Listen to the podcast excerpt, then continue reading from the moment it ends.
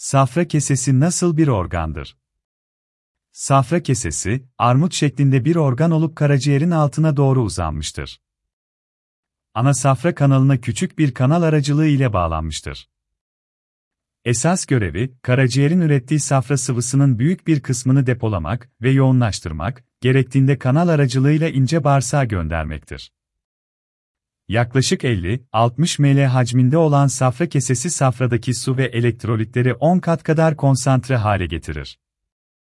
Safra kesesi, bir aracı olarak görev gördüğünden yaşamın devamı için olmazsa olmaz bir organ değildir. Safra olmadığında karaciğer bu görevi yapmaya büyük ölçüde devam edebilecektir. Safra nedir? Safra, karaciğer tarafından üretilen bir sıvı olup, yağlı gıdaların sindirimi için gerekli enzim ve diğer maddeleri içerir. Safra, ana safra kanalına salgılanır. Safra kesesinde bir miktar yoğunlaştırılır. Yemek yeme sonrası 12 parmak bağırsağından salgılanan kolesistokinin etkisiyle safra kesesi büzüşerek safrayı ana safra kanalı aracılığı ile 12 parmak bağırsağına boşaltır. Karaciğer günlük 1-2 litre safra üretir.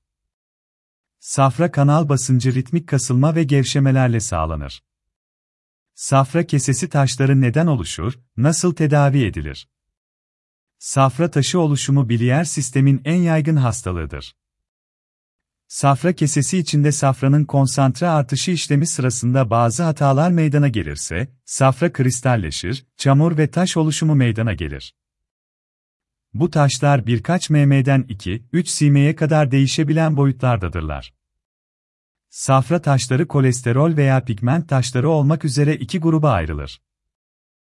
Kolesterol taşları gelişmiş ülkelerde çok yaygınken, pigment taşları gelişmekte olan ülkelerde daha sıktır.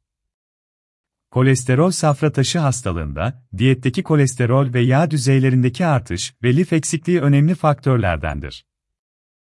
Pigment taşları ise, safra kanalındaki bakteriyel ya da parazitik enfeksiyonların sonucu oluşmaktadırlar. Safra taşları toplumda oldukça yaygındır ve 18-65 yaş arası erkeklerin %7'si kadınların ise %15'inde görülebilir. Safra taşı gelişiminde risk faktörleri nelerdir? İleri yaş. Kadın olmak. Obezite. Östrojen kullanımı. Gebelik. Genetik yatkınlık. Siroz. Bazı hematolojik hastalıklar. Safra kesesi taşları ne gibi şikayetlere yol açar? Safra kesesi taşları, bireylerin çoğunda asemptomatiktir, herhangi bir belirti vermez. Sadece %10'luk bir kısımda klinik belirtiler gözlenir. Büyük taşlar, kese çıkışını tıkayabilir, bu durumda yemeği takiben karnın üst veya sağ tarafında omuza ve sırta yayılan tarzda bir ağrı hissedilir. Eşlik eden bulantı kusma şikayetleri olabilir. Safra kesesi çıkışı açılınca ağrı azalır ve kaybolur. Kronik kolesistit tablosu gelişen hastada semptoma yönelik tedavi planlanmalıdır. Taşın safra kesesi çıkışını tam olarak tıkaması durumuna ise, akut kolesistit denir, bağırsaktan gelen bakterilerin de etkisiyle iltihabi bir reaksiyon başlar. Ağrı hafiflemez, bulantı ve kusma eşlik eder. Acilen tedavi edilmezse safra kesesi yırtılarak karın boşluğuna içerini döküp peritonite neden olur. Safra taşlarının küçük olanları ise, safra hareketi ile beraber ana safra kanalına sürüklenir ve safranın 12 parmak bağırsağına geçişini engellerler. Sarılık, kaşıntı ve ateşte seyreden bir iltihabi reaksiyon başlar. Tıkanma sarılığı, bu iltihap pankreası da etkilerse, pankreatit denilen ağır tablo ortaya çıkar. Safra kesesi hastalıklarında tanı nasıl konulur? Abdominal radyografi hastaların %20'sinde safra taşlarını gösterecektir. Ultrasonografi ise safra taşlarının teşhisi için en kolay ve en doğru sonuç veren yöntemdir. Oral kolesistografi ise safra kesesinin fonksiyonlu olup olmadığını gösterir. Bazen MRE ve BTD tanı için kullanılabilir. Safra kesesi hastalıklarında tedavi yöntemleri nelerdir?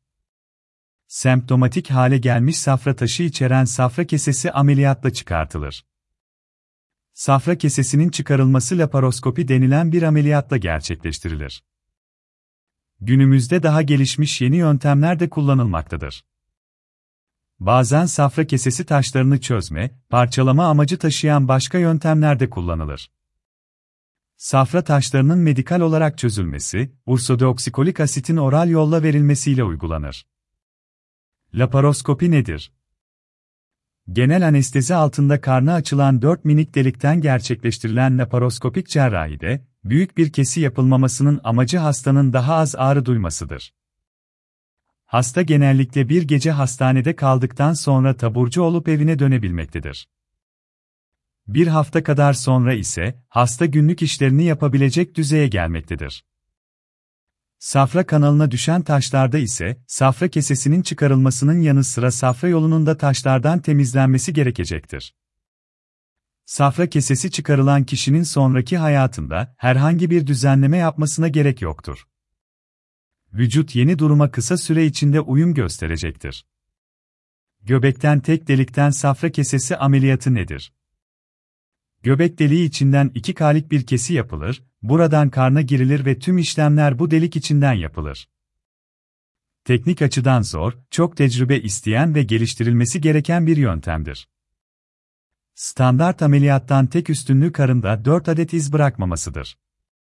Safra kesesi polipleri nelerdir, ne tür şikayetlere yol açarlar? Polipler, adenomatöz polip ve kolesterol polipleri olmak üzere iki çeşittir. Adenomatöz polip çok nadir görülmekte birlikte, çapı büyüdükçe kanserleşme riski artar. Kolesterol polipleri ise yağ topakları şeklinde oluşur, bazen karın ağrısına neden olabilir. Genelde iki türde asemptomatik seyrederler. Safra kesesi polipleri nasıl tedavi edilir? Safra kesesinde bulunan polip semptomatikse, şikayete neden oluyorsa, pankreatit gibi bir duruma yol açmışsa, kanserleşme yönünden riskli ise, onun laparoskopik cerrahi ile safra kesesi alınır. 5 mm ve daha küçük polipler yıllık ultrasonografi takibine alınır. Ameliyat sonrası nasıl komplikasyonlar gelişebilir?